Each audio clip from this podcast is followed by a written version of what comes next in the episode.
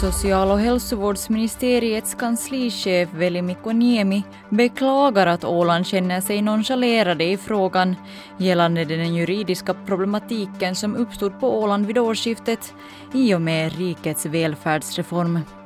Från vår sida kan jag garantera att vi fortsättningsvis vill hålla samtal med Åland för att få en lösning på plats, säger Veli-Mikko Niemi. Från den 1 mars sänker Mariehamns Energi elavgiften med 41 procent. Det meddelar bolaget i ett pressmeddelande. Förändringen innebär en sänkning med 10 cent per kilowattimme. Prissänkningen möjliggörs tack vare varmt väder och att större delen av Europas kärnkraftverkspark åter är i funktion.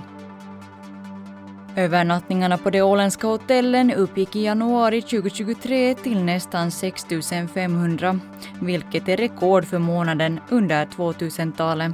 Det visar statistik från Ålands statistik och utredningsbyrå ÅSUB.